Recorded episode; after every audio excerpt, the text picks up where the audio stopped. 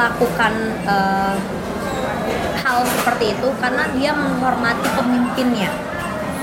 Kalau kalau kita tidak menghormati pemimpinnya apa pun yang mau dia omongin itu kita pasti ngomongnya bullshit. Nggak akan bisa. Jadi kalau menurut gue tuh hal yang mendasar itu adalah lu menghormati orang lain dulu. Mendengarkan apa programnya lu ikutin. Kalau emang nggak cocok ya udah tapi terbukti kan saat lu menghormati orang itu saat mereka na- sampai Mempercayakan. mempercayakan nasibnya lah kepada mereka itu 67 tahun loh bayangin loh konsisten Iya ya, nggak beda cerita kalau misalnya mereka ya orang-orang yang miskin protes atau uh, rakyatnya protes tentang kebijakan tersebut. Ya Yes. mungkin kemiskinan itu belum belum tentu teratasi. ya benar dari jadi daripada lu protes kalau menurut gue ya dari jadi daripada lu protes mendingan lu berpikir gimana caranya lo nggak miskin lagi. Eh kasar banget ya bahasa gue ya tapi maksudnya tuh gimana caranya lo mengubah kehidupan lo karena menurut gue ya yang waktu pas gue lihat di sana nggak semuanya orang bisa sekolah sampai university. Oh iya? Yang untuk yang orang yang udah di program itu ya. Maaf, kenapa? karena universitas itu mahal. Oh di sana di sana tuh mahal. Tapi cara berpikir mereka tidak kalah hebatnya dengan orang yang kuliah. yes. Bayangkan mereka yang dulunya tertinggal sekarang dia punya satu greenhouse isinya mau belajar. Kayak gitu gue juga kayak, kayak oh my god nih hidroponik. Terus lo tahu gue ngeliat nanas gede banget. Tahu nanas lembang? Ah, itu kan udah gede. Mereka punya nanas lebih gede. Jadi kayak mereka belajar gimana caranya menanam tanaman yang baik. Walaupun mereka tidak sekolah ya. Gitu. maksudnya bukan tidak sekolah maksudnya tidak sampai ke jenjang university. Tapi di sana tuh beda di sana beda. Even though mereka nggak bisa bahasa Inggris lo tau gue ngomong pakai bahasa apa? Bahasa tubuh oh mereka nggak ngerti bahasa Inggris. ada eh, ada dele- delegasi Myanmar itu 10 orang. Satu eh, head of delegationnya. Dia yang cuma bisa bahasa Inggris. Sama satu lagi namanya Hani. Dia bisa bahasa Inggris. Dia dikit-dikit little little I can lah. Tapi little little iconnya Iya, I don't know. Iya, little little I can-nya I don't know juga nggak ngerti gue.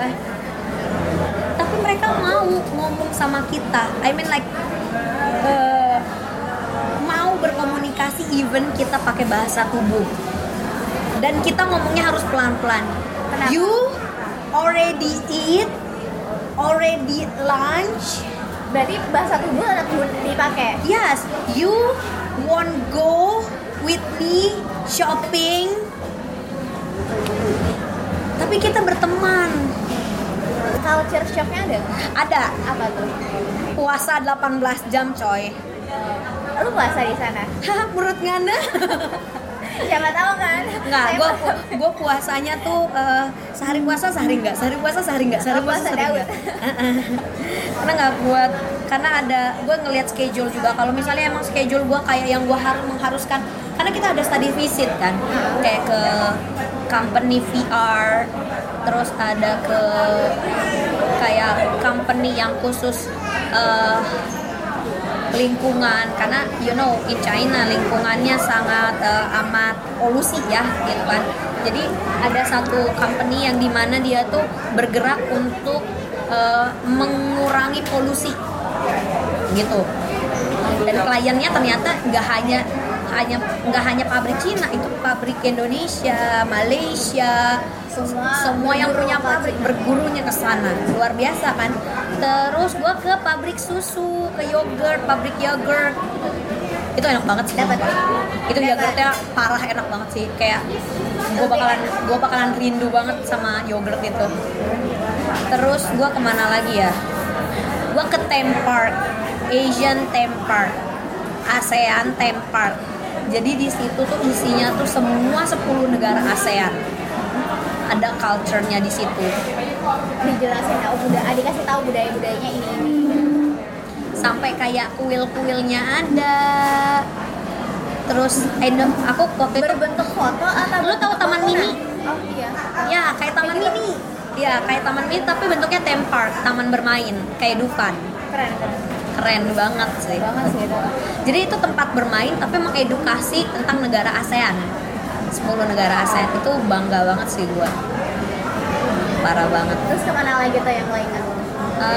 Gue eh, gue waktu itu gue mau waktu pas gue di Beijing gue pingin banget ngunjungin museum di mana eh, ada jasadnya Mao Zedong Presiden Mao Zedong yang diawetkan dan ditaruh di eh, peti kaca.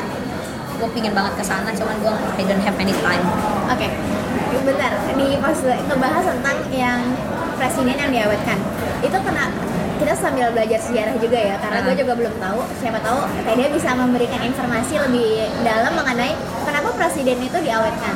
Apakah karena dia sangat eh, membantu Cina atau karena emang semua presiden yang meninggal diawetkan? oh enggak jadi gini jadi aku punya nam interpreter namanya Miss eh, Yuan dan dia kita bilang Mother Earth Kenapa? Karena dia tahu sejarah. Yes, jadi kita bilang Mother Earth. Dia tuh tahu banget sejarahnya. Jadi dia mengalami masa Mao Zedong itu. Heeh. Jadi kan dulu sebelum eh, sebelum menjadi eh, republik itu kan kekaisaran. Nah, ada 19 orang yang me- me- apa ya? mengangkat mengang, mau merevolusi lah merevolusi tentang eh, komunis gitu loh jadi pertama negara komunis gitu kan salah satunya adalah Mao Zedong anyway Mao Zedong tuh waktu pas mudanya ganteng cong asli like Berarti kalian harus ternyata ganteng yes, gitu. Iya, gue gue baru tahu waktu waktu pas si lecture-nya itu ngasih tahu yang sejarah tentang eh, China Socialism New Era itu. Gue baru tahu fotonya itu ganteng ternyata. Oke next. Jadi eh, Mao Zedong itu adalah ibaratnya kayak bapak pendiri Cina, bapak pendiri RRT, Rakyat Republik Tiongkok. Jadi karena eh, dia men- menurut eh, warga Cina dia adalah hero lah istilah kayak hero banget gitu loh. Dia yang membangun republik dan yang membawa Cina sampai sekarang. Jadi kayak yang dia diawetkan gitu tapi yang kalau nggak salah yang kedua eh Sin siapa ya? Lupa gue itu nggak diawetin. Yang yang kalau presiden yang kedua dikubur kalau nggak salah. Terus saat yang satu lagi di dikremasi dibuang ke laut tabunya jadi tergantung sih. Kalau itu kan mungkin dia di berdasarkan budayanya iya. ya yang dikremasi. kalau kalau dia kan di apa namanya mungkin di kaca kayak gitu kan karena mungkin bapak pendirinya gitu kan kayak proklamatornya lah gitu supaya gener- generasi-generasinya juga tahu kalau ah. misalnya orang ini sangat berpengaruh. berpengaruh. Jadi waktu pas di Cetung era itu semuanya tuh apa kata Mu Cetung udah kayak apa kata dia adalah kita Tuhan kayak gitu jadi istilahnya kayak gitulah gitu kayak long life Mu Cetung or something gitu Oke. kayak gitu Emang lo dikasih waktu uh, free time? ada free time tapi free time-nya salah salahnya gue waktu pas free time gue sakit gue keracunan makanan Tapi oke, nggak maksudnya nggak apa-apa belum nggak apa-apa. Oh tadi gue gue parah di sana muntah-muntah kayak perut gue sakit, gue pusing, gue nggak bisa jalan, gue udah kayak udah udah rasa mau pingsan gitu. Jadi gue mau dibawa ke rumah sakit, cuman gue bilang gue need istirahat doang.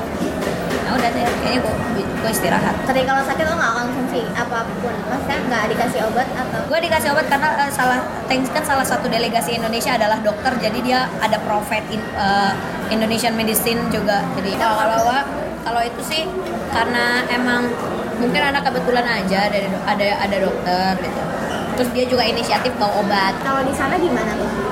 Kalau kemarin sih gue di sana tuh karena nggak ada yang volunteernya tuh cuma tiga.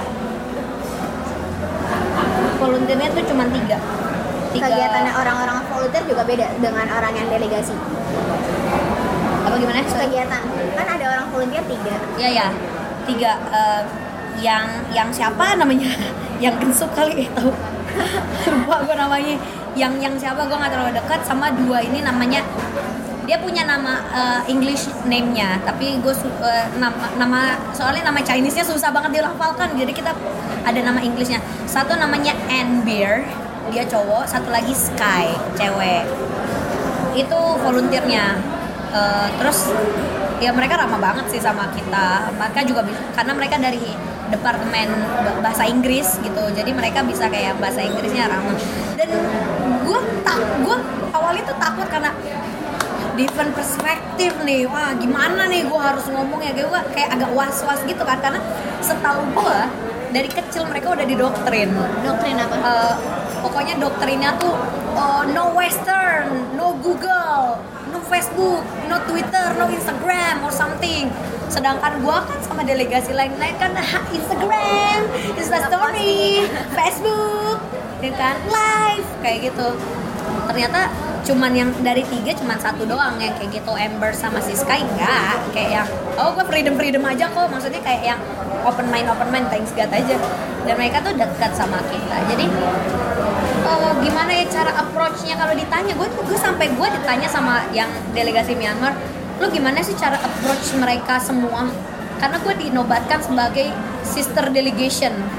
Kenapa? Karena apa gue nggak paling kecil. Ada lagi delegasi Indonesia gue karena postur tubuhnya yang kecil. Ya gue mungil. Ada ada uh, ada dia uh, delegasi gue umurnya 19 tahun. Karena biasanya dia kan jadi yang delegasi sister cuman karena gue tuh gue tuh apa ya gue tuh ke sana sini oke okay, gitu loh. Gue main vlog sana sini gue jadi nggak hanya sama delegasi Indonesia aja. Jadi gue main vlog sana sini gue ke Malaysia masuk ke Singapura masuk ke uh, Myanmar masuk, Filipina masuk, uh, Thailand masuk. Waktu itu nggak ada Laos, Kamboja, uh, Brunei, sama Vietnam. Itu nggak nggak ikutan mereka.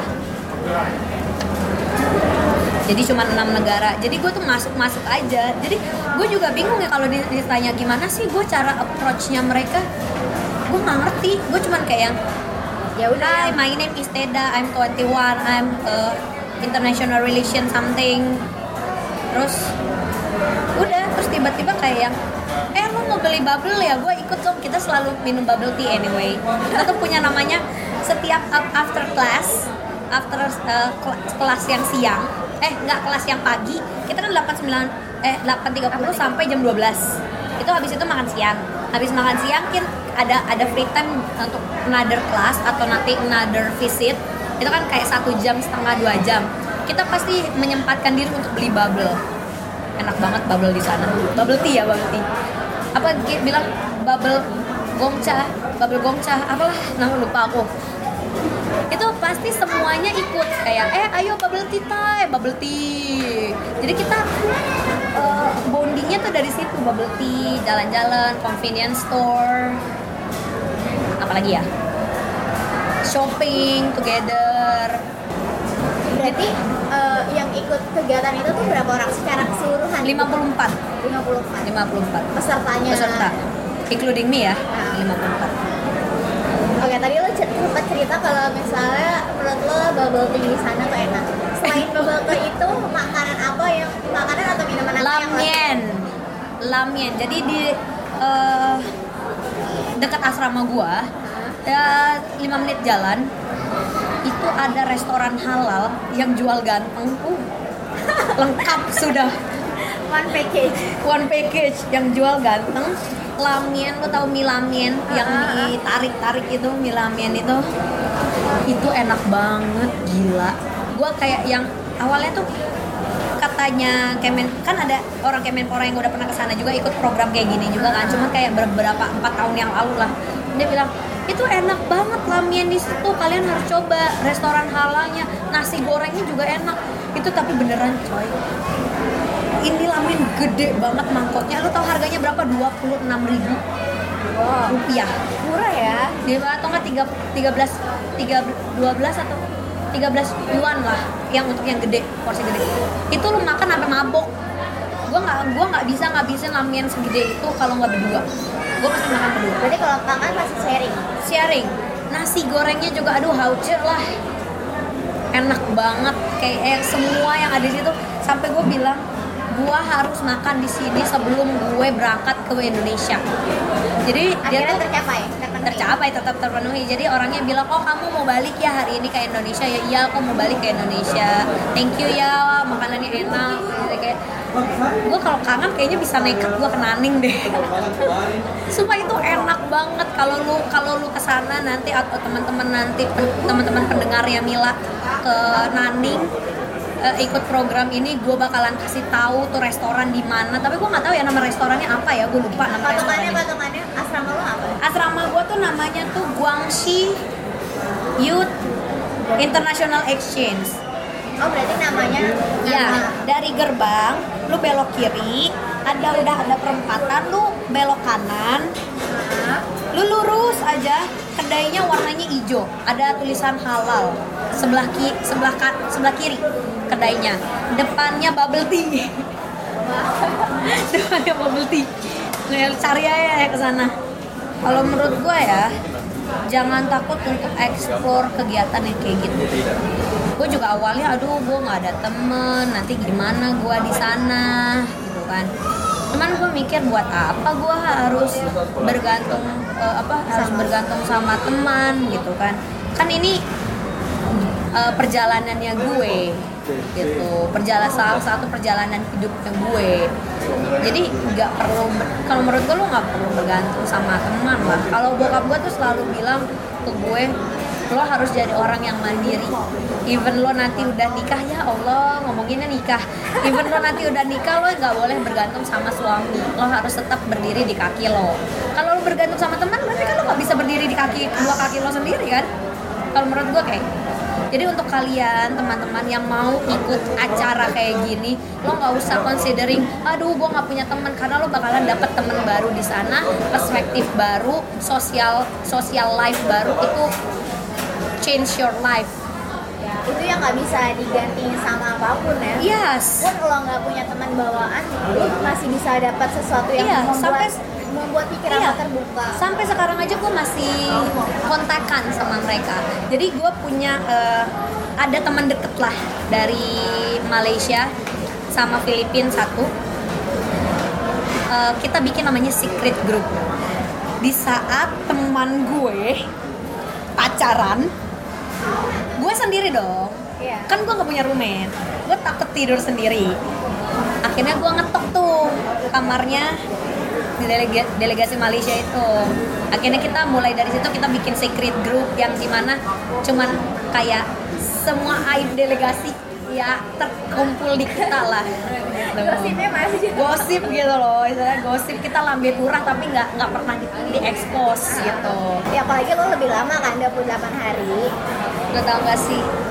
Kalau kalau kayak gitu ya, kita kalau di delegasi grup nih kita ngomongnya tuh raga gue tuh ada di Indonesia tapi hati gue masih di Naning. Nah iya iya kayak gitu. kayak gitu. Jadi apa ya eh pastilah pasti ada yang hilang. Sampai waktu pas kemarin tuh gue ngechat teman-teman gue guys I miss you I wish you are here watching Aladdin gitu. Karena kita tuh kemarin tuh sampai sempet nonton Pikachu tahu nggak? Nonton Pikachu bareng-bareng itu satu studio cuman kayak punya kita semua. Kita nonton Pikachu bareng makan bareng. Terus eh, pergi bareng gitu. Jadi kan kayak istilahnya hampir 24 jam kita bareng. Dan kita tuh biasanya tuh tidur jam 1, jam 2 ngegosip dulu di kamarnya siapa, di kamarnya siapa. Jadi pasti ada lah yang hilang. By the way si Teda ini pernah jadi MC ketika ikut kegiatan di sana. Nah itu tuh MC untuk acara perpisahan atau gimana? Iya, farewell partinya Itu lo bisa ditunjuk, farewell presentation. Lo bisa jadi MC ditunjuk mengajukan diri atau bagaimana? itu ditunjuk sama eh, bukan ketua delegasi ya itu apa ya namanya? Kayak koordinatornya lah. Kita mang- namanya Ashley Chen kita selalu manggil dia mom. Mommy mama gitu. Karena karena dia tuh bener-bener yang sangat keibuan banget waktu pas aku sakit delegasi aku sakit ada satu delegasi aku sakit teman-teman yang lain sakit itu bener-bener yang dia yang uring-uringan kayak gimana sih ibu ngeliat anaknya sakit terus waktu pas aku kemarin kan dapet kan sakit banget tuh kayak kamu nggak apa-apa kamu mau minum obat kamu i-" jadi benar-benar kita manggilnya tuh mom the real mom dan dia baik banget parah dia mempercayakan MC-nya itu ke aku. Kayak aku aku sampai bilang are you sure mom? Gitu. Kamu benar-benar ngepercayain ke aku? Terus karena waktu itu suara aku lagi serak dia bilang ya as as as long you keep your voice katanya. Oke I will keep my voice gitu. Jadi benar-benar aku dikasih training sama dia oh, ini ini rundownnya begini nanti kamu gini ya gitu. Jadi benar-benar dipilih bayangin itu ada perwakilan dari Youth China Federation. Eh all sih namanya? All Youth China Federation. Ya itulah kemenporanya itu. Jadi ada VIP-nya tuh banyak waktu pas jadi kan uh, acara pertama kan dibikin dua kan formal sama informal. Ya kalau formal kan eh, aku harus formal banget dong. Nggak bisa yang petakilan gitu. Itu kayak hmm, karena bener-bener itu orang penting gitu loh jadi MC istilahnya. di situ pengalaman pertama atau beberapa Oh kali? Enggak sih, gue udah udah pernah jadi MC, tapi untuk ada VIP kayak gitu, itu baru pengalaman pertama gue sih. ngelakuin kesalahan kan? Pas MC Salah. Kayak, jadi gue harusnya nyebut namanya, untung bukan nama VIP ya, gue eh, jadi kan ada kayak pembagian sertifikat eh, delegasi gitu lah after eh, selesai gitu loh.